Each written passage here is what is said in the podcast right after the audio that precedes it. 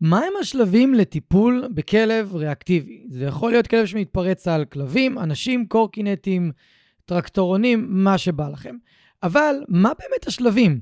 איך אנחנו מתחילים לטפל בכלב כזה? מה השלב הראשון שמתחיל בכלל באבחון עם השאלון, ומה השלב הבא של התוכנית עצמה, של תהליך הליווי, והשלב שאחריו, ומה עושים בשלבים מתקדמים? יש המון בלבול וחוסר הבנה לגבי איך מתקדמים משלב לשלב ומה עושים בכל שלב. שמתי לב שהרבה מאוד אנשי מקצוע וגם בעלי כלבים מנסים לטפל בבעיה הכי קשה שיש לכלב על ההתחלה, מבלי שיש להם מיומנויות, מבלי שיש לכלב מיומנויות, מבלי שלימדו את הכלב איך להתפקס עליהם בכלל, הם כבר מנסים ומצפים ממנו להצליח להתעלם מהדבר שהכי מרגיז אותו ושהוא מתפרץ עליו הכי חזק. וכדי לדבר על הנושא הזה, הזמנתי את יעל נורמן. יעל היא אחת המאלפות בצוות שלי, והיא עושה עבודה מעולה בטיפולי ריאקטיביות, בעיקר בגלל שהיא גם מגדלת בבית כלב שהיה פעם ריאקטיבי, והיום הוא כמעט ולא. קשה מאוד אה, לראות מהצד שהוא כלב ריאקטיבי. אנחנו הולכים להיכנס לתוך הנושא הזה ולצלול אליו לעומק, ולעזור לכם להבין באיזה שלב אתם נמצאים עם הכלב שלכם, והאם אתם צריכים אולי לחזור אחורה בשלבים, או בכלל לבקש או לחפש טיפול מסוג אחר. וכפי שאתם שומעים, הקול שלי עדיין צרוד, הייתי חולה והוא עדיין לא חזר אליי ב-100%, אבל אין מה לעשות, אנחנו עדיין עושים את הפודקאסט. אז פתיח קצר ואומרים שלום ליעל.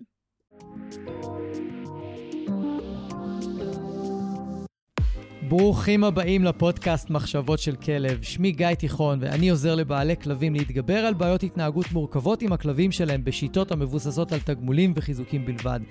אני מאמין שחשוב לגדל ולאלף כלבים כיום בראייה הוליסטית, ולא מספיק לגדל אותם בראייה התנהגותית בלבד. אני מעביר תהליכי ליווי אישיים, סדנאות וקורסים דיגיטליים לבעלי כלבים וגם למאלפים שמחפשים להתפתח ולצמוח. בכל יום שישי יעלה פרק חדש בנושא מרתק, דרכו אלמד אתכם להבין כלבים ברמה עמוקה יותר, מה שיסייע לכם לשפר את הקשר איתם ולחיות בצורה הכי טובה ביחד. אם אתם נהנים מהתוכן, אשמח שתשתפו אנשים אחרים שמגדלים כלבים וגם הם יוכלו ליהנות מהפודקאסט. תודה שאתם מקדישים לי מזמנכם, המשך פתיח קצר ומתחילים.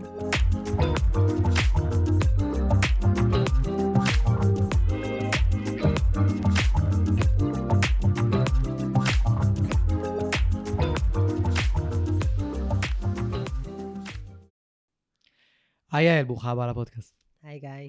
מה שלומך? הכל טוב. מעולה. אה, כמה זמן אנחנו כבר עובדים ביחד? נראה לי עוד מעט שנה. עוד מעט שנה? כן. יכול להיות. אז אז, נורא רציתי, אני כבר רוצה הרבה זמן, להביא את הצוות אה, לפה לפודקאסט ולדבר על נושאים שהם מאוד חשובים, אז הנה, סוף סוף זה, זה יצא לנו. והיום אנחנו הולכים לדבר על ריאקטיביות, בעצם על טיפול בריאקטיביות, מה השלבים, איך אנחנו נכנסים לכל התהליך הזה. יהיה פרק לדעתי מאוד מרתק, אני חושב שאנשים מאוד ילמדו איך בעצם התהליך הזה עובד. לך יש גם יש את אורן שהיה ריאקטיבי בזמנו. נכון. אה, עדיין, הוא כל הזמן אה, ככה בניהול נכון. כן. אה, גם נספר קטע שהיה לי איתו אתמול. Mm-hmm. אה, הייתי איתו בגינת כלבים בצהריים, ריק, הייתה רק עוד אה, כל, כלבה גם אה, מעורבת כנענית איתו, לא ממש שיחקו. אה, סתם שוטטו, אני הייתי עם הטלפון שלי, הבעלים שלה היה עם הטלפון שלו, כנראה מישהו השאיר שם את השער לא סגור עד הסוף, ואני ככה פתאום מרגישה שמישהו מסתכל עליי מהגדר, אני מסתכלת אחורה, ואני רואה את אורן מסתכל עליי מחוץ לגינה, ואת הכנענית השנייה משוטטת גם בחוץ. קיצר, אה, לחץ, יצאתי החוצה, אה, וככה קראתי לו, אורן, בוא, אליי, כזה. הסתכל עליי, טק, טק, בדילוגים, בשמחה, הגיע אליי, איזה שמחה, כמובן, ישר חיזקתי אותו, ואיזה יופי, לא היה לי חטיף, אבל כאילו כל הכבוד, מדהים, מושלם, ליטופים. וטק, חזרה לגינת כלבים, ואז אני אומרת לבעלים השני, ככה, חבר, הכלבה שלך משוטטת בחוץ, Hmm.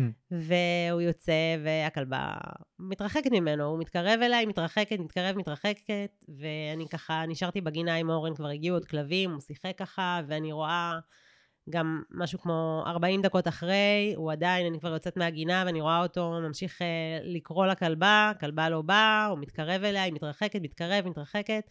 אמ, וזה רק ככה מה שאומר, שעם הכלבים האלה צריך כל הזמן לחזק אותם על, על הנכונות שלהם לבוא אלינו, לרצות להיות איתנו, זה משהו שאי אפשר להפסיק עם, ה, עם השגרה הזאת של החיזוקים.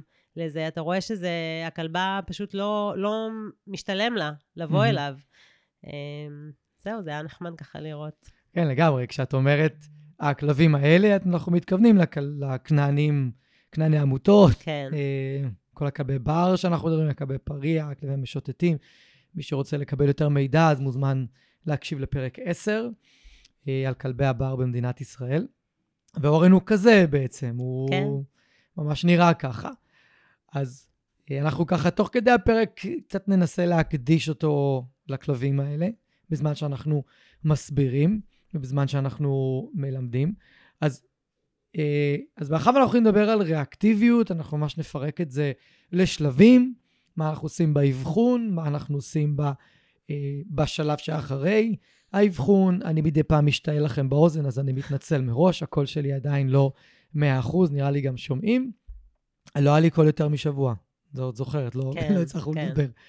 אה, אז אנחנו ממש נפרק לכם את השלבים, אה, מה עושים ומה חשוב לבדוק בכל שלב, כדי שקודם כל תדעו אם אתם מקבלים תהליך, קודם כל, ולא איזה כיבוי שריפות. יש הבדל מאוד משמעותי בין לקבל תהליך שמטפל בבעיה מסוימת לבין לבוא ולכבות שריפות. לגמרי. שזה לבוא לעשות שיעור, לטפל במה שמפריע ללקוח, ושיעור הבא יכול להפריע לו משהו אחר, ואז אנחנו נטפל במשהו אחר, וזה לא באמת נותן לבן אדם שפנה אלינו איזשהו מענה אמיתי, מענה שורשי, ארוך טווח, והבן אדם באמת לומד איך לטפל בבעיה שיש לו עם הכלב, אז היום נדבר על ריאקטיביות, ומה שאנחנו נדבר היום זה באמת איך אנחנו לוקחים מקרה ומפרקים אותו לשלב-שלב, ומלווים את הלקוח בכל אחד מהשלבים האלה, וגם מה חשוב לדעת ולעשות בכל, אה, בכל שלב.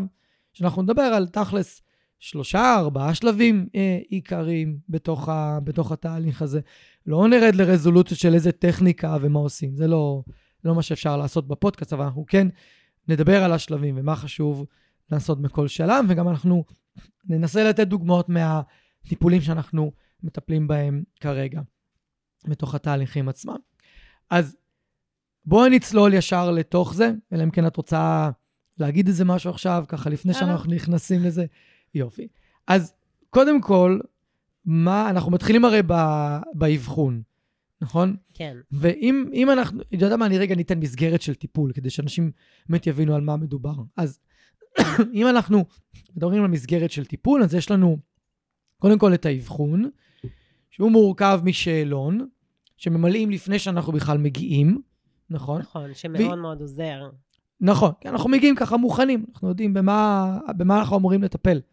אה, הרבה פעמים אומרים לנו בטלפון משהו אחד, ואז אנחנו קוראים את השאלון, ואז אנחנו אומרים, אה, זה לא עלה בשיחת טלפון, או לא הבנתי שזה כזה גרוע מהשיחת טלפון, או אה, דווקא זה לא נשמע כזה גרוע, כן. אה, למרות השיחת טלפון. ואז יש לנו כמובן שיעורים, שהם יכולים להיות שיעורים פרונטליים, יכולים להיות שיעורים בזום, נורא תלוי בבעיה שאנחנו מטפלים בה. ויכול להיות שיעורים קבוצתיים, יכול להיות כל מיני. יש לנו כמובן את התמיכה באונליין, אם זה בוואטסאפ, עם שיחות אה, טלפון או זום, יש לנו סיכומי שיעור, יש לנו סרטוני תרגול. יש פה תמיכה באמת מאוד מאוד מקיפה, ושבלעדיה, תסכי, תגידי אם את מסכימה איתי או לא, בלעדיה מאוד קשה להוביל לגמרי. לתוצאות. אז אנחנו נתחיל מהאבחון. מה בעינייך הדבר הכי חשוב לבדוק כשאנחנו מאבחנים כלב ריאקטיבי, ולשים דגש על כלב שהוא כנעני כזה, כלב שהוא פריע, כלב בר. אה, אז קודם כל, מידת הסטרס שלו. אה, מסתכלת על השפת גוף שלו. אה, איך הוא... עד כמה הוא לחוץ בטיול. אם הוא לוקח אוכל, אם הוא לא לוקח אוכל. מה רמת הקשב שלו לבעלים. זה הדבר הראשון שאני בודקת. אמ, אני בודקת איזה טריגרים מפעילים אותו ובאיזה עוצמה. יכול להיות אה, למכוניות טריגר מאוד חלש, וכלבים טריגר מאוד חזק, ו- ולהפך. אמ, ואז אני מבררת עוד פרטים. אמ, מה שגרת הטיולים של הבעלים איתו, אמ, כמה זמן הוא מבלה בחוץ, באיזה שעות, אה, איך הבעלים מנהלים את הטיול, איך הם אה, מתנהלים עם הרצועה, אמ, איך התגובה שלהם כשהוא, כשהוא מגיב, אה, כל הדברים האלה. מהמם. אמ, אני מסתכלת גם על עוד דברים, ככה שואלת שאלות, מה, מה עוד יכול להפריע לכלב מבחינה בריאותית, מבחינה תזונתית. אמ, זהו. אוקיי. ואני חושב גם שיש לנו עוד איזשהו פרמטר שהוא מאוד חשוב, זה איך הכלב בעצם מגיב לתרגילים נכון, שאנחנו עושים איתו. נכון. כי כי כבר אנחנו- מתחילים באבחון אה, לעבוד עם הכלב, זאת אומרת, נותנים. לו תרגילים אה, ככה התחלתיים כמו חפש, בר פתוח, ואני רוצה לראות איך הכלב מגיב. אה, אם הוא משתף פעולה, אם הוא לוקח אוכל. נכון, כי לא, לא, מה, מה זה בעצם אומר, נגיד, אם כלב הוא לא כל כך משתף פעולה, הוא, הוא לא כל כך לוקח את החטיפים שנותנים לו, בהנחה ומשתמשים בחטיפים מאוד חזקים. כן. אם נגיד לא משתמשים בחטיפים חזקים והכלב לא לוקח אותם כי הוא לחוץ, אז בסדר, בואו אני ננסה משהו כמעט אחר. תמיד מביאה לאבחונים משהו חזק, כי אני באמת אה, כבר צופה את זה שאולי הבעלים יצאו עם חטיפים שהם ככה פחות, אז אני כן רוצה לראות איך הוא יגיב לעוף, או כבד עוף, או משהו כזה, לפי השאלון כבר לפני, אני יודעת מהמם, עם מה כדאי לי להגיע. מהמם. אמ, ואז אה, זה יכול לתת לי מדד, איך, הת- איך הטיפול יתקדם. אם אה, יהיו לנו יותר קשיים, כי הכלב לא לוקח אוכל באופן סדיר, הוא גם לא מגיב לאוכל ברמה מאוד, מאוד גבוהה, אה, או שזה יהיה יותר קל, כי הכלב מאוד אה, מגיב טוב לאוכל. כן, כי הר- הרבה כלבים למשל, הם יכולים, או הם לא ייקחו אוכל בסביבה של הבית, איפה שיש להם כבר הרגל של התפרצויות, הרגל של לחץ, זאת אומרת, הם רגילים לצאת למלחמה כשהם יוצאים בסביבה נכון. של הבית. אבל נדבר על זה בהמשך בצורה יותר, יותר מעמיקה, אבל דווקא באזורים כמו אה, פארקים או גינות או משהו כזה, הם ייקחו יותר אוכל ויהיה אפשר לעבוד איתם בצורה יותר מסודרת. ואם נכון. אנחנו, הרי כשאנחנו באים לאבחון, אנחנו באמת צריכים לעשות כמה דברים. אנחנו חייבים ל- ל- לאבחן את מידת האפשרות לאלף את הכלב. ואני חושב שזה משהו שבשיחות שלי עם הרבה בעלי כלבים, ואני מדבר עם המון, אני חושב שאני מדבר עם 50-60 אנשים חדשים כל חודש. רק על הדברים האלה. ודבר אחד שמתי לב בצורה מובהקת. הם יכולים לקבל אבחון ממאלף כלשהו, אבל הם לא מקבלים הבחנה של, אוקיי, מה מידת ההצלחה שיכולה להיות בתוך התהליך? לאיזה רמה באמת אפשר להגיע עם הכלב, על סמך הפרמטרים שאמרנו עכשיו, מידת הסטרס שלו, איזה טריגרים מפעילים אותו, מה העוצמה שלהם, איך הם מנהלים את הטיול, אם בכלל יש להם נכונות לשנות את שגרת הטיולים שלהם. כי יכול להיות שהם גרים ליד, לא יודע מה, אה, רוטשילד בתל אביב, והם לא מוכנים לעשות טיולים ברחובות יותר שקטים, הם רוצים לטייל על רוטשילד, ושם הכלב מתפרץ הכי הרבה. אז איך אפשר לעזור להם? נכון. זה בלתי אפשרי. או אה, דיברת על גורמים אחרים, אז מה, איזה גורמים אחרים יכולים להפריע לכלב באמת להיות מסוגל להשתפר בהתנהגות שלו? גם הניהול רצועה של הבעלים. זאת אומרת, יש בעלים שממש רגילים כל הזמן למשוך את הכלב, ומוסיפים לו המון המון המון סטרס לטיול. מהמם. במקום לקרוא לו, במקום לנסות ככה אה, לרתום אותו אליהם, אז כל הזמן מושכים אותו, ומוסיפים לו המון המון לחץ. אז יש בעלים שאני רואה שזה מושרש אצלהם כל כך חזק, שאני יודעת שזה יעכב את הטיפול. לפחות בהתחלה, כן. עד נכון, שהם יצליחו. להיגמל מזה. נכון. נכון. ואנחנו גם, בתוך צורת עבודה שלנו, אנחנו גם אה, שמים דגש על כל מה שקשור לפן התזונתי, לפן הבריאותי, לפן הפיזי של הכלב. אנחנו מחפשים כאבים נסתרים. לא אחת אנחנו רואים שיש איזושהי בעיה. נכון. נכון? למשל עם אה, לונה, שיש לה אה, קושי אה, עם סטרס בטיול, היא צוברת המון מתחים ותסכול, נכון? נכון. בטיולים. לונה זה כלבה צעירה, בת שנה בערך, שאנחנו שנה. מטפלים בה, והיא יכולה באמצע טיול פשוט להסתובב ולהתחיל לקפוץ ולנשוך את הבעלים שלה, ולהתעצבן עליה, ולהיות מאוד חסרת סבלנות. ובמקרה שלה, למשל, מה, מה זיהינו מאוד מוקדם? שהיא צוברת מתח ככה בטיול, אה, וברגע שנותנים לה פריקה של המתח, אז היא לא מגיעה בכלל להתפרצויות האלה. או שהיא מגיעה ברמה יותר, ברמה יותר אה, נמוכה, כן. יותר נמוכה, הרבה יותר כן. נמוכה. אבל גם שמנו לב לעוד משהו על ה... די בהתחלה, שמנו לב שיש לה הליכה מוזרה. נכון, נכון, ואז שלחנו נכון. אותה לבדוק את זה ולאבחן את זה. כן. והיא באמת חזרה ואמרה לנו, כן, יש איזושהי בעיה. אה, באגן, מאובחנת כרגע, שצריך לטפל בה, ואנחנו עוד בודקים כמה זה באמת משפיע על, ה, על, המצב, ה, על המצב של לונה. נכון. כי יכול להיות שזה מכאיב לה, יכול להיות שזה מציק לה, יכול להיות שלא נוח לה ללכת הרבה, היא רוצה לעשות הרבה עצירות, או... אנחנו לא יודעים, קשה לנו מאוד לדעת. אז אנחנו גם באים ובודקים את הדברים האלה. אה, ולמשל, היה, היה לנו עם אה, סופי, נכון? גלעד, כן. שהיה שם גם איזה משהו עם כן. התזונה. הכלבה לא הצליחה להירגע. אה, לא, לא הצלחנו להגיע איתה לרוגע. מהמם. שמיכת רגיעה, אה, הכלבה לא נרגעת. אה, היה לה איזשהו אי שקט כזה, והיא אכלה אוכל ברמה מאוד נמוכה. וככה התעקשנו ש... שהוא יחליף את האוכל, ובאמת אה, ראינו תוצאות אחרות. ברגע שככה התרגלה לאוכל החדש, הוא אוכל הרבה יותר איכותי, מקבל גם תוספות אה, מהמם. ככה מאוד אה, מעשירים לה את התזונה, והיא נראית אחרת. נכון, היינו ממש צריכים לעשות עם הבעלים שיחה, עם כן. גלעד, לעשות איתו שיחה מאוד חשובה של להחליף את האוכל, כי אנחנו חושדים שבאמת יש קשר בין רמת הרוגע. לבין רמת התזונה שלה. נכון? ואת. גם אמרת, סיפרת לי קודם, שישבנו פה ודיברנו על מוש, השיצו שלך, כן. שהוא שנה על תזונה טבעית, והייתה לו בעיה, שעכשיו, כן. שמה הייתה הבעיה? הוא שקים אנאליים, כאילו זה היה ממש אה, מגיע אצלו למצב של אה, דלקתיות, והיו צריכים לנקז לו ממש כל חודשיים באופן קבוע. עכשיו אנחנו כבר מעל חצי שנה לא, לא עשינו את זה, ובאתי ואמרו לי גם שלא צריך, כי ככה המצב ממש ממש טוב. והיא שאלה אותי הווטרינרית, שינית תזונה? אמרתי כן, אבל תזונה טבעית. אז אה, כן, זה מדהים.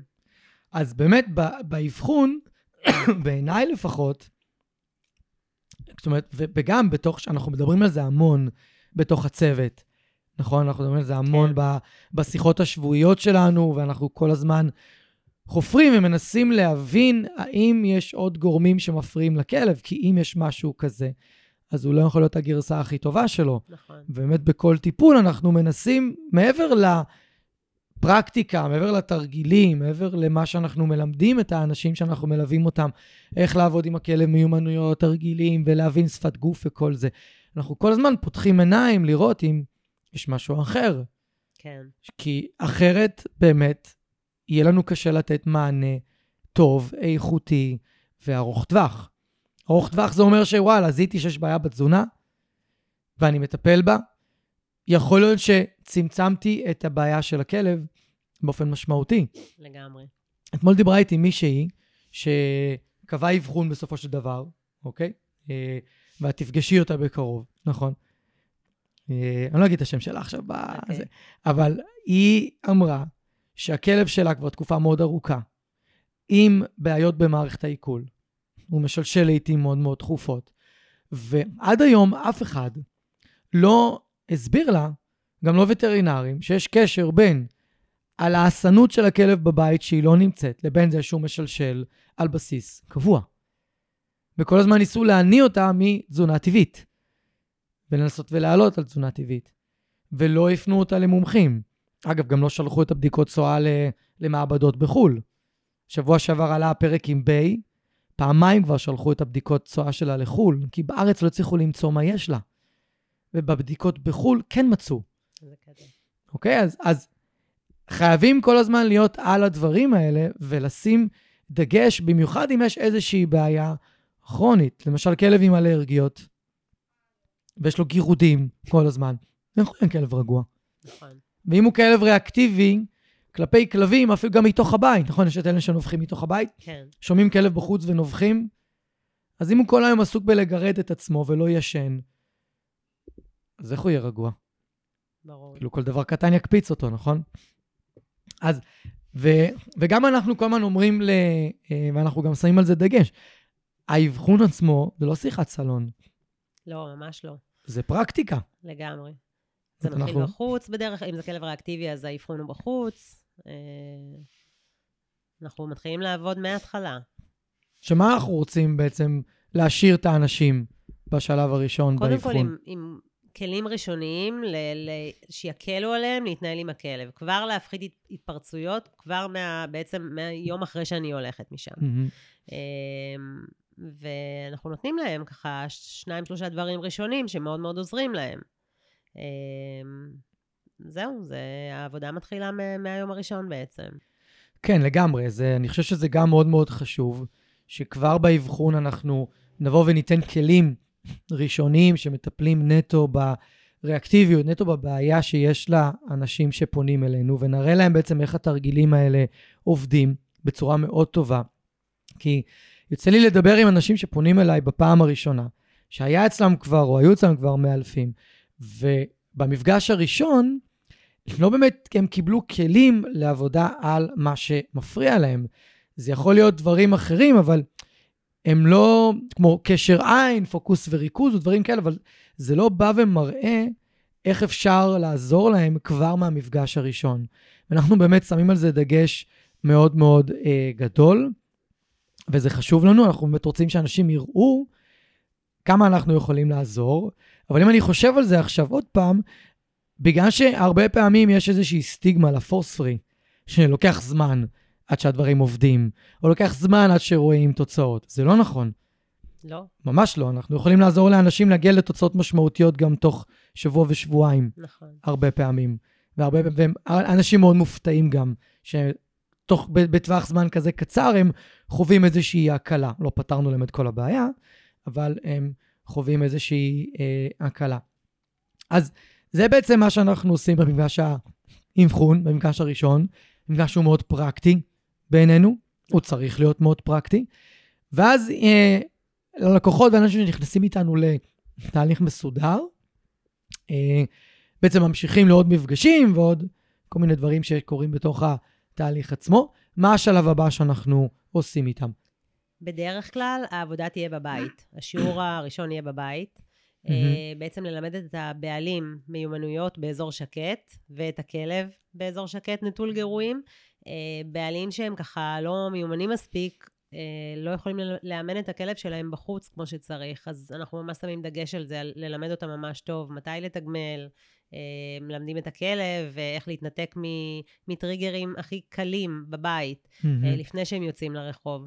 אה, זה ממש ככה, ממש כמו ללמד אה, שחייה, מתחילים ללמד בבריכה בעצם, בשיעורים שלומדים בהם טכניקה, לא ישר הולכים לשחות בים, או לומדים לשחות בים. אה, זה לא יעבוד אחרת. נכון, ומה מה החשיבות הכי גדולה בעינייך קודם אה, ללמד את הבעלים את המיומנות, כמובן. ולוודא שהם יודעים אותה, לפני שאנחנו מתחילים ללמ- לעבוד עם הכלב על דברים מורכבים ומסובכים. חד משמעית. בעלים לא מיומן, ילמד את הכלב, זה יצא עקום. אז מהמם. uh, קודם כל שהבעלים יהיו מיומנים וידעו ככה את הטכניקה כמו שצריך, ואז הם יכולים לעבוד עם הכלב. נכון, ואני מסכים לגמרי, ואני גם אוסיף שיש לאנשים ציפייה ל- מהכלב שהוא יוכל לתפקד מול הטריגרים הכי חזקים שלו על ההתחלה. ולפעמים זה כן עובד, לפעמים אפשר, אבל הרבה פעמים אי אפשר. נכון, בייחוד אם הרמת ריאקטיביות היא מאוד, גבוה, מאוד גבוהה, והסטרס מאוד גבוה. נכון, ואנחנו רוצים לאמן את הכלב, קודם כל, כמו שאמרת, להיות מסוגל לעבוד ולהתאמן מול גירויים חלשים, מול הסחות שהן חלשות יותר. אנחנו לא מתחילים ל- מהדבר הכי חזק. נתת דוגמה של הים, אז של השחייה, אז אנחנו לא מתחילים ללמוד בים סוער. זה, אנחנו נמות, אנחנו כן. נטבע. אנחנו מתחילים באמת, כמו שאמרת, בבריכה. ואותו הדבר, אנחנו רוצים שקודם כל לוודא שיש לאנשים שאנחנו מלווים אותם מיומנויות בסיסיות מאוד מאוד חשובות, כמו תזמון. תזמון, כמה הוא חשוב. לגמרי. בלי תזמון נכון, אנחנו לא יכולים להתקדם לשום מקום. ובלי ללמד את הכלב שמשתלם לו להתנתק מטריגרים הכי חלשים שיש, איך הוא ילמד שמשתלם לו להתנתק מטריגרים חזקים? נכון. הרי הטריגר החזק הכי מפחיד אותו. הוא לא רוצה להתנתק ממנו, הוא רוצה להסתכל עליו, לוודא ש... שהוא בטוח, לוודא ששום דבר לא קורה לו. אז אנחנו באמת אה, מתחילים קודם כל אה, בבית. וכמה זמן זה יכול לקחת? כי הנה, פה נגיד עוד פעם יכולים לה- להגיד לנו, הנה, פורסטרי לוקח הרבה זמן. לא, זה שיעור אחד, מקסימום שיעור וחצי. אה, לא יותר מזה. ש... אבל אז תכלס, איך אנחנו מחברים את זה ל... ל... למה שהם אמורים לעשות בחוץ? כאילו, את השיעור הזה, כי הרי נגיד הם כבר עברו את האבחון, נכון? נכון, שהם קיבלו בו כלים של עבודה בחוץ. נכון, והם- ועכשיו הם, ועכשיו הם מקבלים כלים של עבודה על מיומנות. נכון. אה, ואז אחרי שיש להם את זה, בעצם יוצאים החוצה ומשלבים את הכל ביחד. אה, כמובן, לא ישר ברחוב, אנחנו קודם מוצאים אזורי, עם רוב הכלבים, אנחנו מחפשים אזורי עבודה יותר שקטים, אה, לעבוד אה, ממרחק שהכלב יכול בעצם ללמוד ולעבוד. אה, יש כלבים שכן, אפשר לעבוד איתם ישר ברחוב, אבל עם רוב הכלבים לא. אני אתן לדוגמה את אה, שבע, כלב. שאנחנו עובדים איתו. אה, גם כלב אה, מעורב, שוקל 40 קילו, מתפרץ מאוד מאוד חזק על טריגרים של אה, ריינג'רים וכלבים. זה היה בלתי אפשרי לעבוד איתו ישר ברחוב. מהמם. המקום מאוד מאוד צפוף, הרחובות צפופים, אה, מדרכות צפופות. אה, לא הייתה שום אפשרות לעשות את זה שם, אז מצאנו אזורי עבודה יותר מרוחקים, ואחרי התרגול בבית באמת יצאנו לשם. ותוך שבועיים היה שיפור כל כך משמעותי בתגובה שלו לריינג'רים, שאפילו כשבטעות חזרנו הביתה דרך הרחוב, ועבר ריינג'ר, הוא הצליח להתעלם ממנו, שזה היה ממש כאילו משהו מטורף יחסית לאיך שהוא היה באבחון. אה, שזה באמת, אה, זה באמת מטורף. נגיע, כי הרי הם, הם סובלים מהבעיה הזאת כבר הרבה זמן. הרבה זמן, הרבה זמן, והם לא הצליחו למצוא איזשהו פתרון. נכון. אה, ומה בעצם עשיתם באזורי העבודה? תכלס, איזה תרגילים עשיתם איתו? התחלנו ממש בהכי פשוט, בחפש. רק מהמם. מול הריינג'רים זה היה ממש רק חפש, כי אי אפשר היה לעשות שום דבר אחר. אמ, ועוד פעם ועוד פעם, ו... ואז גם התחלנו יותר לעבוד על באמת להתנתק, והכלב עבד. זה היה ממש אה, מדהים לראות את זה ככה בתחילת השיעור, ולקראת סוף השיעור כבר כמה הוא כבר ישר הלך לאוכל, שבהתחלה זה היה לו ממש קשה. אה, ש, שבעצם טכניקת חפש, אני אסביר, זו טכניקה שבה אנחנו אה, פשוט מלמדים את הכלב שכשמופיע טריגר, אנחנו זורקים לו מלא אוכל על הרצפה. אוקיי? זה מה שאנחנו מלמדים. שמה המטרה של, הת, של התרגיל הזה? תתעלם, תתעלם מהגירוי שעובד, שעובר אה, לידך. נכון, זה תתעסק איזושהי, ט- באוכל, כן, כן, זה איזושהי טכניקת חירום, אבל נכון. אנחנו גם עושים קישור מאוד חיובי נכון, לטריגר ש, שמופיע. זאת אומרת, אם נכון. אנחנו לא נעבוד על שינוי רגשי קודם כל, אז אנחנו לא נצליח לשכנע את הכלב שמשתלם לו להתנתק. כי נכון. אם הוא עדיין יהיה עצבני מאוד על הטריגר ברמה הרגשית, אז אנחנו לא נוכל לשנות את, לשנות את דעתו שכדאי לו נכון. להתעלם. אז נכון, אז קודם כל עשיתם איתו אה, עבודה של, אה, של חפש. זאת אומרת, קודם כל לקשר שכשריינג'ר מופיע, מגיע אוכל. מגיע המון. אוכל. בדיוק. קורים דברים טובים, כן. ואז משם למה התקדמתם? אה, להתנתק, זאת אומרת, לתשומת לב לבעלים. אה, שמה הכוונה להתנתק? זאת אומרת, להסיט מבט אה. לבעלים מתי? ברגע שמופיע ריינג'ר, כאילו מי- מיוזמתו. מיוזמתו. ואז לקבל על זה תגמול. זאת אומרת שהתחלתם קודם כל ממצב של ראית ריינג'ר, קח אוכל. ראית. ריינג'ר, קח אוכל. ואז אחרי, ואז שבועיים הייתה הפחתה ממש משמעותית. נכון, בהתפרצויות ובעוצמה שלהם. גם כשהייתה התפרצות, זה היה משהו אחר לגמרי. אה, ועד שהגענו ממש למצב שעבר ריינג'ר והכלב אה, מחפש את הבעלים שלו, כדי לקבל, אה, תנו לי צ'ופר, מגיע לי. בלי שקראתם לו. בלי שקראנו לו. כן, זה שזה מדהים. מדהים, ממש. זאת אומרת שבאזורי העבודה, מה, שיכול, מה שיכולתם לעשות, היה קודם כל לפקס את הכלב ללעשות משהו אחד. כן, הרי אם מטיילים איתו ברחוב, פה מופיע בן אדם, שם מופיע זה, שם מופיע כלב, שם מופיע מכונית, פה מופיע ריינג'ר, אה, פה הרצועה מציקה לו כי הוא הולך, ופה הוא מושך, אז צריך רגע לעצור אותו מלמשוך. זאת אומרת, ברחוב צריך להתעסק בכל כך הרבה דברים, שמאוד מאוד קשה לבוא ולהתמקד בבעיה המרכזית, שזה היה הריינג'רים במקרה שלו. נכון. ואז שהלכתם לאזור עבודה, יכולתם להתמקד עכשיו נטו, כמעט נטו, בריינג'רים. נכון. ומה עשיתם בשביל שהוא אה, ישפר את רמת הפוקוס והתקשורת שלו עם, ה, עם המון, הבעלים? המון תרגילי פוקוס עם הבעלים, המון לכידה של, של אה, מבט אליהם, התקרבות אליהם בטיולים. מהמם. אה, ממש הרבה עבודה על זה, גם בבית, גם בטיולים אה, רגילים שלהם, והיה פה ממש ככה שינוי משמעותי בעניין הזה. אה, אפילו סיפרה לי אה, מעיין, הבעלים, שהוא היה בשדה משוחרר איזה פעם, וככה התחיל לרדוף אחרי אה, ריינג'ר, היא קראה לו והוא עשה פרסה וחזר אליה, שזה משהו שלא היה לפני. שזה בעצם מה ש... כאילו דומה לסיפור שלך עם אורן, נכון, נכון, פחות או יותר. נכון. וזה נטו כי הכלב למד. שמשתלם לו להתנתק, והוא עבר איזשהו שינוי רגשי מסוים, כי אם הוא לא היה עובר את השינוי הרגשי, הוא לא היה מסוגל להתנתק מהריינג'ר לבד. כי הוא עדיין, הוא, הוא, הוא סביר להניח, עדיין היה מאוד מאוד עצבני.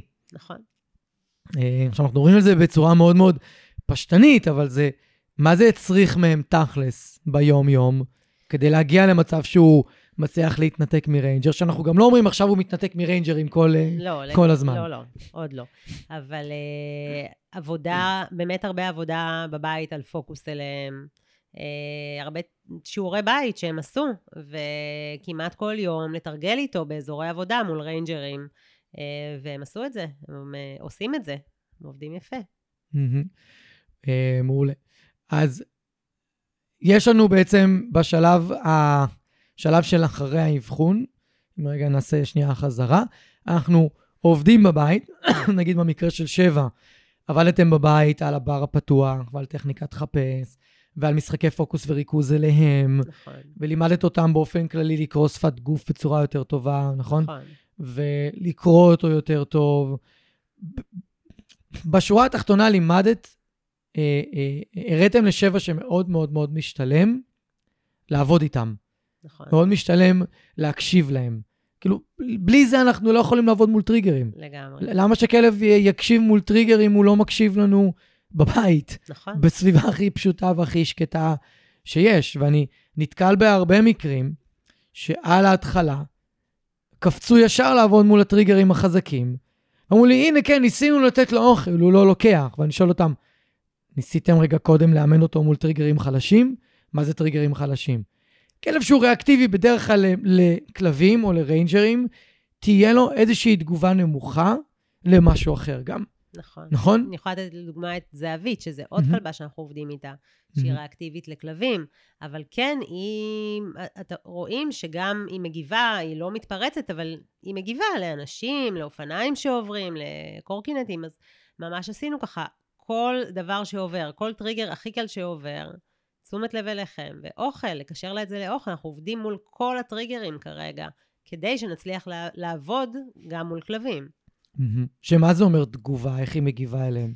לפי השפת גוף שלה רואים שהיא נדרכת, נלחצת, מהמם. היא לא מתפרצת, אבל מהמם. רואים שהיא באי נוחות מסוימת. מהמם. אז אנחנו עובדים גם על זה, שזה בעצם אומר טריגר אה, חלש. נכון? לא, זה אפילו לא טריגר אה, בינוני, זה לא הטריגר החזק שזה כלבים, נכון. אבל זה טריגר חלש, אנחנו יכולים לנצל אותו בשביל עבודה יומיומית ברחוב, נכון. לפני שאנחנו מתחילים בעבודה עם כלבים. אז יכול להיות שאנשים עכשיו שואלים את עצמם, אוקיי, אבל מופיע כלב, אז מה, מה הם עושים?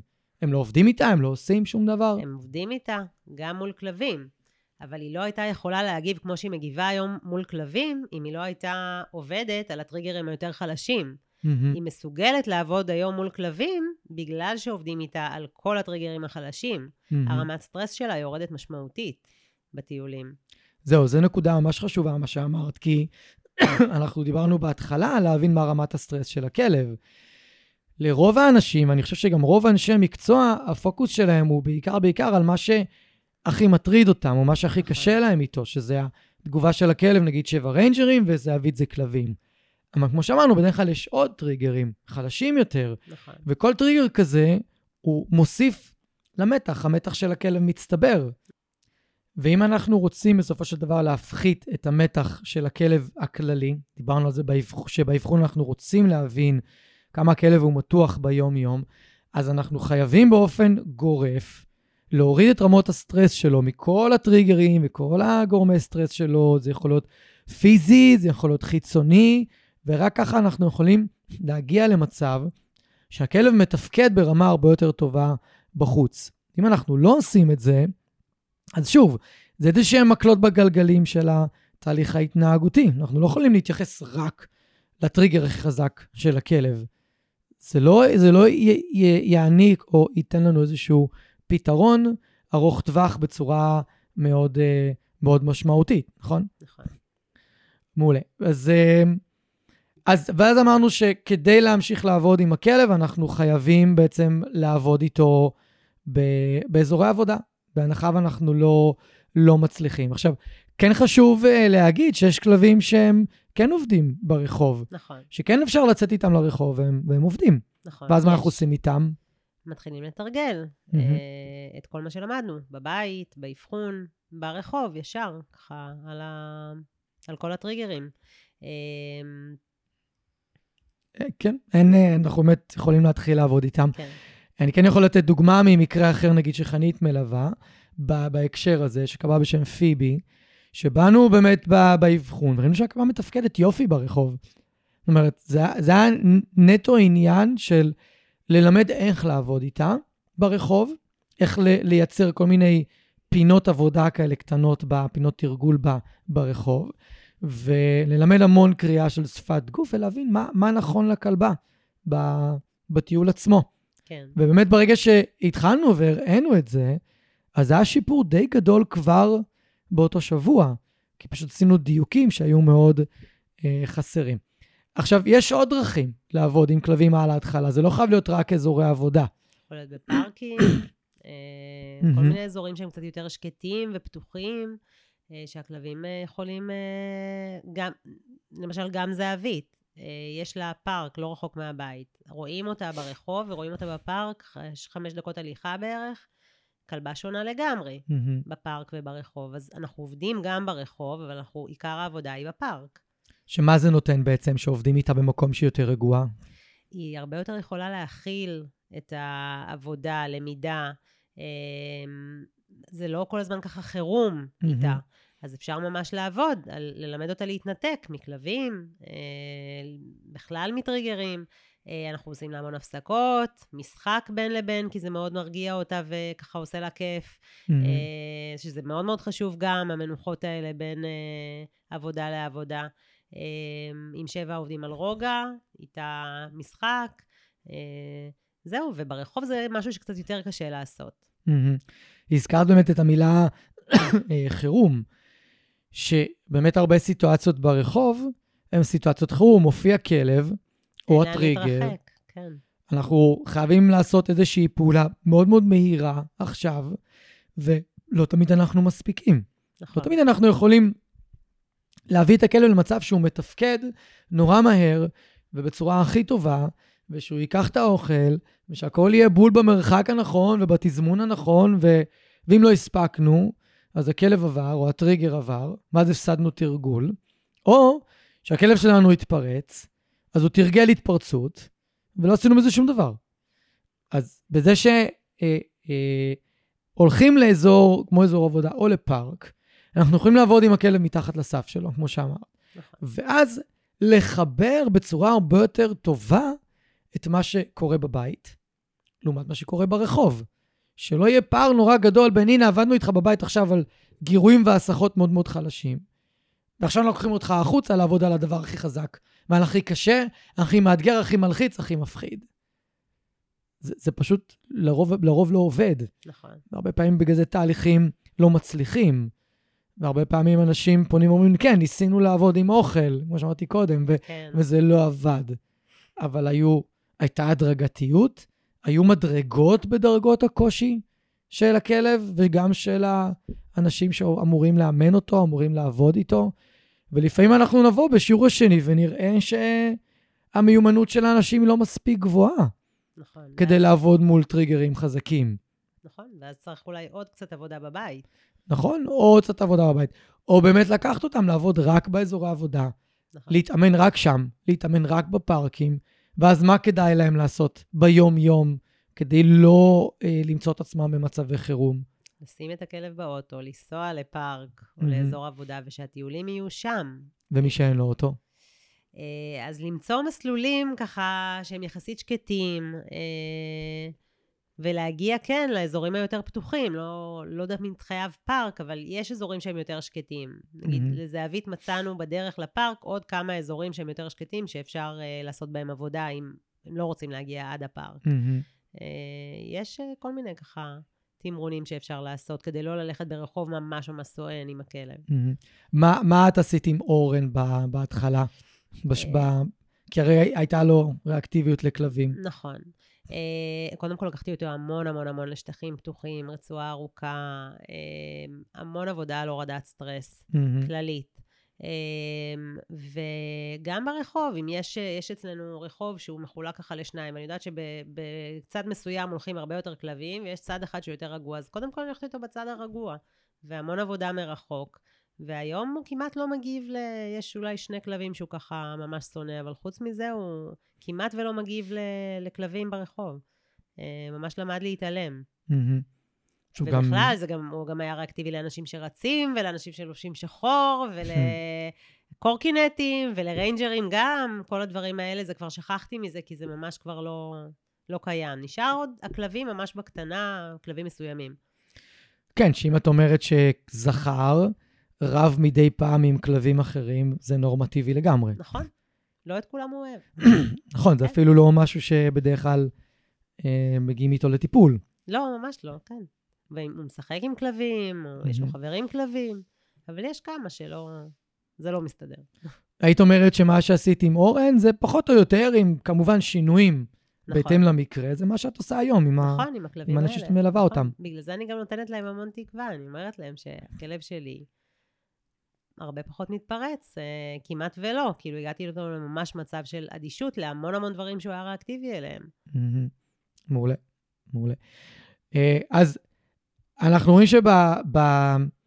היה לנו את השלב של עבודה בבית, ואז שלב של עבודה מול טריגרים, אבל פשוט בפארקים, או אזורי עבודה, או שטחים פתוחים, או כלבים שכן מסוגלים לעבוד אה, ברחוב, אז אפשר באמת לעבוד איתם ברחוב, אבל חשוב מאוד לעשות את ההפרדה הזאת, להבין איפה הכלב שלי מסוגל לתרגל, ואיפה הוא מסוגל לתרגל הכי טוב, בטח בשלבים הראשונים של התהליך.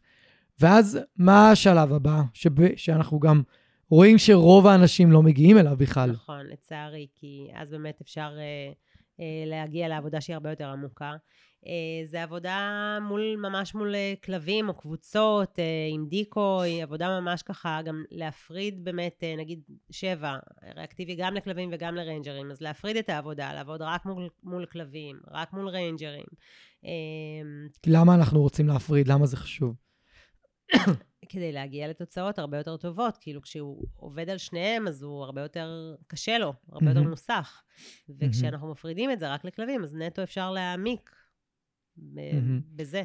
מה עשיתם כדי לעבוד רק מול כלבים וכאילו להימנע מלהיתקל בריינג'רים? עוד לא עשינו. אנחנו אה, הייתי בטוח. שהלכתם לפארק, לא? היה גשם. אה, נכון.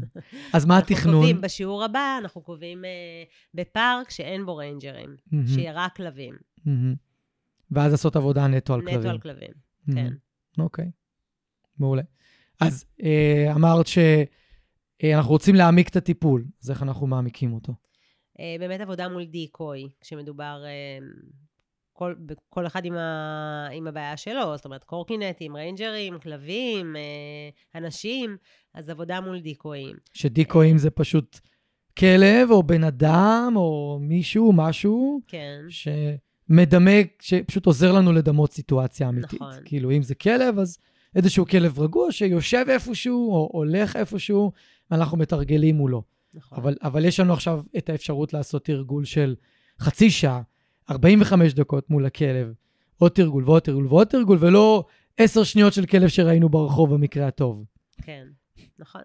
אה, וגם אה, בקבוצה, אה, קבוצה של כלבים ריאקטיביים שעובדים אחד מול השני בעצם.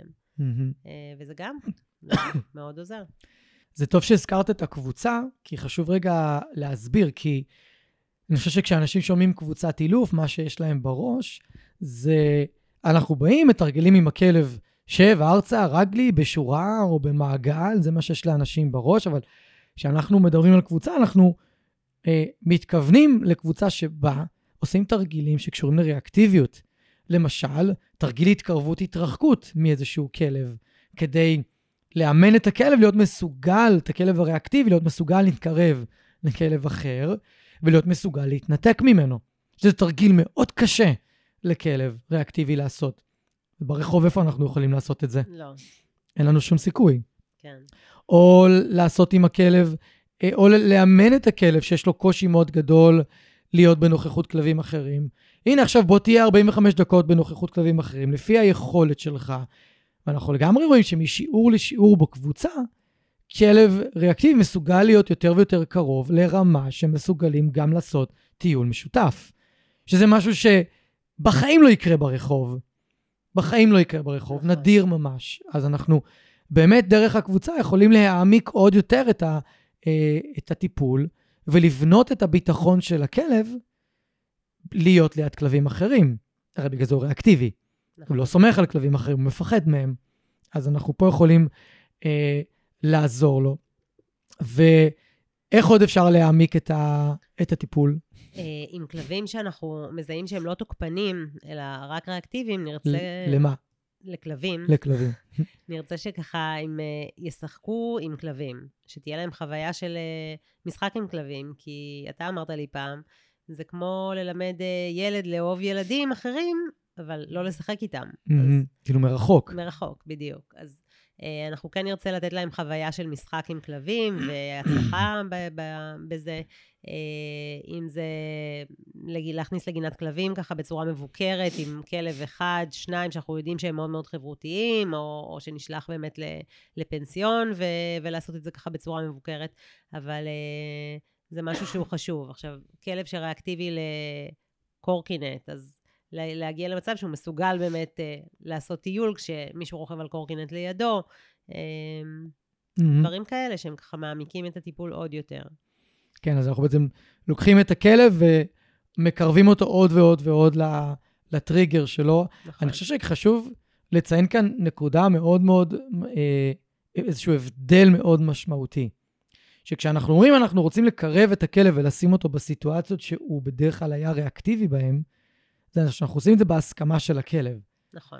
אנחנו מביאים אותו למצב שהוא מוכן ומסכים להתקרב ומוכן ומסכים לעשות את זה באופן הדרגתי. אנחנו לא פשוט כופים עליו לא, ממש. ומקווים לטוב. זה גם לא קורה בשלב ראשון בתהליך. כן. זה לוקח זמן. נכון. עם אחת הכלבות שליווינו ביחד, אה, שהיא סופר ריאקטיבית לכלבים, אנחנו ממש אה, ביקשנו מקולגה, מג'וני, שיש לו פנסיון, אה, שיעשה לה שיעורים בפנסיון עם כלבים בצורה מאוד מאוד מבוקרת, ופשוט יחשוף אותה בצורה מאוד הדרגתית לכלבים אחרים, כי פשוט לא הצלחנו לעשות את זה בשום מקום אחר. לא ברחוב, אה, לא היו להם כל כך חברים להפגיש אותה עם הכלבים שלהם. גם בפארק, לא. גם בפארק לא הייתה פשוט מתנפלת מיד, וזה פתח אותה לגמרי. נכון. זה פתח אותה לאפשרות להכיר כלבים ברחוב בצורה מאוד, אה, אה, אומנם עם המון חשש ועם המון אה, מתח, אבל היא הצליחה. נכון. וזה משהו שמאוד אה, העמיק את ה... אפשר לנו להעמיק את, ה, את הטיפול. אוקיי? אז אנחנו אומרים שבשלב הזה אנחנו אה, רוצים להביא את הכלב להיות במרחק יותר קרוב לטריגר, להתמודד איתו פרק זמן יותר ממושך, אולי אה, ממש לעשות עם הטריגר איזושהי פעילות. אמרת סקייטבורד, שהוא יעשה טיול עם סקייטבורד, אם זה אופניים, יעשה טיול עם אופניים, אם זה כלב, יעשה טיול עם כלב. אם זה בן אדם שהוא מפחד ממנו, אז בן. אדם. אנחנו עושים את זה המון בכניסת אורחים. אנחנו רוצים להעמיק את זה, אנחנו רוצים לבנות את הביטחון של הכלב בתוך התהליך עצמו, נכון. ולהעביר אותו שינוי רגש כמה שיותר עמוק. הנה, תראה, זה לא כזה נורא. זה יכול להיות נחמד אולי. אולי תהנה מזה, כן. נכון? במיוחד אם זה כלבים אחרים, אולי תהנה לשחק עם, אה, עם כלבים. ואפשר גם להגיד שאנחנו יכולים לעשות תרגילים יותר מורכבים במקום הזה. נכון. אם הבעלים יותר מיומן, הכלב הוא קצת יותר רגוע, קצת יותר סומך, אז אנחנו באמת יכולים לעשות תרגילים מאוד מאוד מורכבים שאין לנו אפשרות לעשות ברחוב. כן. ואז ככה אפשר להעמיק את, ה, אה, את הטיפול. אז אנחנו ככה לקראת סיום. מה לדעתך המרכיבים הכי חשובים בתוך תהליך טיפול כזה, שמאפשרים לנו להגיע לכלב רגוע יותר? קודם כל, אה, מבחינת הבעלים, מהמם. שיתוף פעולה, כן. אה, נכונות לעבוד עם הכלב, אה, גם מחוץ לשיעורים, מהמם. זה סופר חשוב. אה, אהבה לכלב והכלה לרגשות שלו, לקשיים שהוא מתמודד איתם. אה, ומצידנו, אה, אנחנו, אני חושבת שאנחנו עושים את זה, תמיד נותנים מענה ותמיכה, מהמם. גם מקצועית, גם רגשית, אנחנו זמינים כמעט תמיד. אה, זהו, נותנים גב. כן, שזו נקודה מאוד חשובה, הנקודה האחרונה הזאת היא שהרי בתוך התהליכים יש מלא עליות וירדות, נכון. יש רגרסיות, יש משברים, לא תמיד יש לאנשים שעוברים את זה עם הכלב שלהם עם מי לדבר. לפעמים הסביבה יכולה להיות מאוד רעילה, נכון, ובעצם הבן אדם היחידי שהם יכולים לדבר איתו זה אנחנו. נכון. ואם אנחנו לא נותנים להם תמיכה רגשית, ולא... תמיכה מקצועית זה ברור, זה הכי קל, אבל אם אנחנו לא שמה ברמה הרגשית של לתמוך, של להכיל, של לעודד, של לתת תקווה, אז בעצם מי יש להם לדבר? נכון. ממי יש להם לקבל את זה? אין להם. נורא, נורא קל אה, להרגיש ייאוש ותסכול, אז בעיניי זה איזשהו מרכיב מאוד קריטי, נכון. מאוד מאוד קריטי בטיפול עצמו. אה, יש משהו נוסף שאת רוצה להגיד, לסיים, אולי ככה לתת איזה מסר של תקווה, במיוחד עם מה שאת עברת עם אורן? אמ, אני חושבת שהכלבים ברובם רוצים לעבוד, הם. אה, מאוד שמחים לעבוד, וכמה שיותר אנשים יהיו באמת אה, מוכנים לעשות את ה- את התהליכים האלה בשביל הכלבים שלהם, אז יהיה להם יותר קל. אה, מהמם. זה קצת, זה באמת השקעה, אי אפשר להגיד שלא, אבל זה משתלם.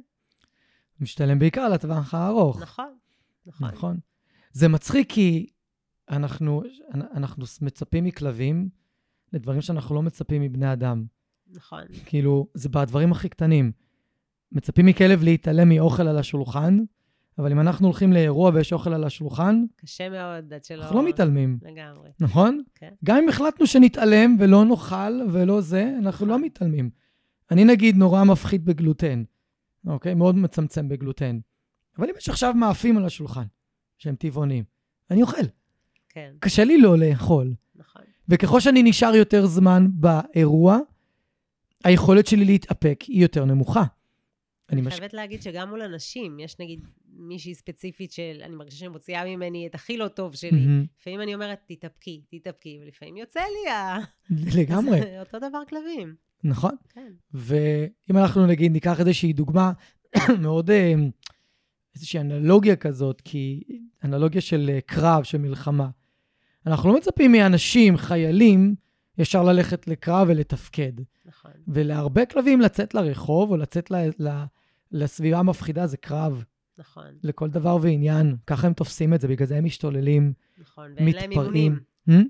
יש כלבים שלא עוברים אימונים לפני הקרב, אז... אה, בדיוק, אז כמו שאנחנו לא כן. מצפים מחיילים להיות מסוגלים לתפקד בקרב, הם עוברים אימונים מאוד הדרגתיים.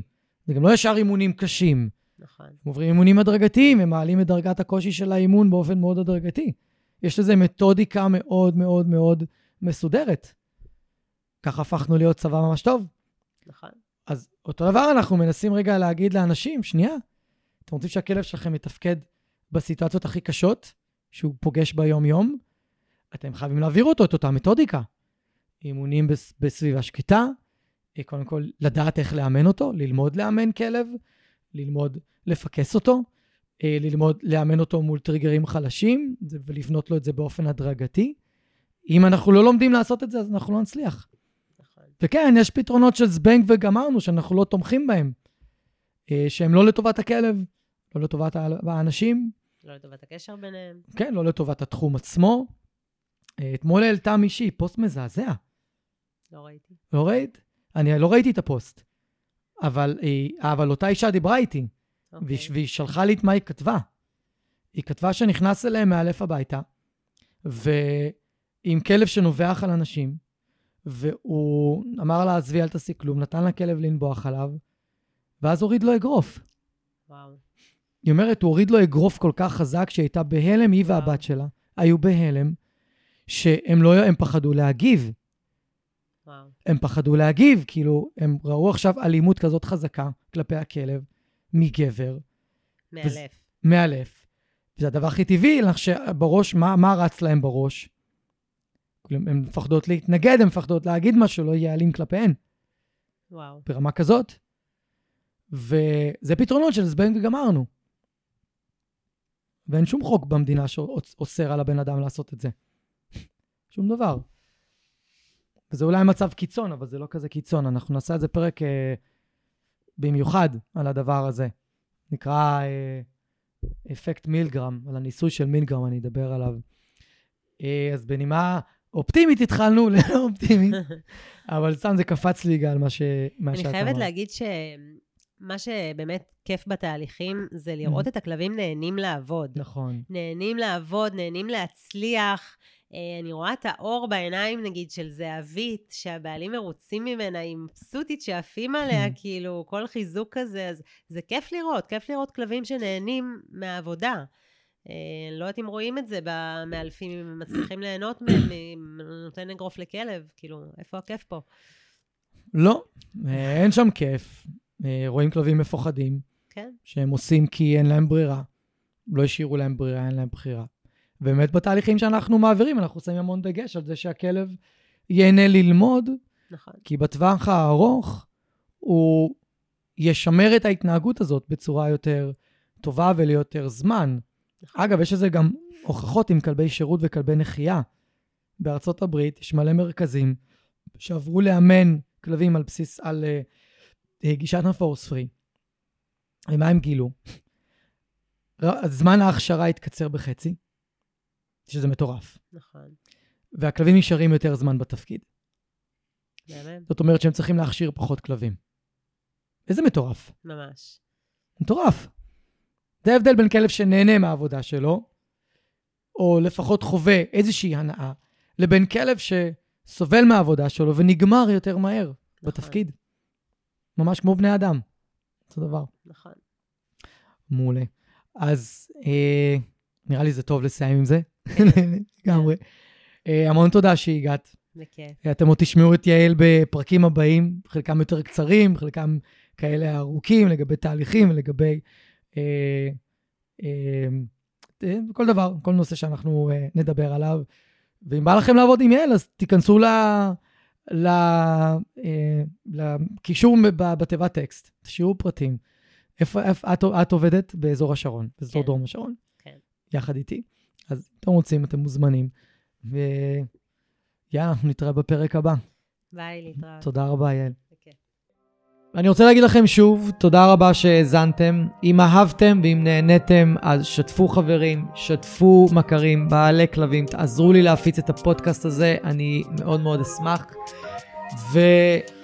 ותעשו follow, כדי שהאפליקציה האהובה שלכם תודיע לכם. יום שישי היום, יש עוד פרק בפודקאסט מחשבות של כלב, ואני אפתיע אתכם עם נושא חדש ופרק חדש.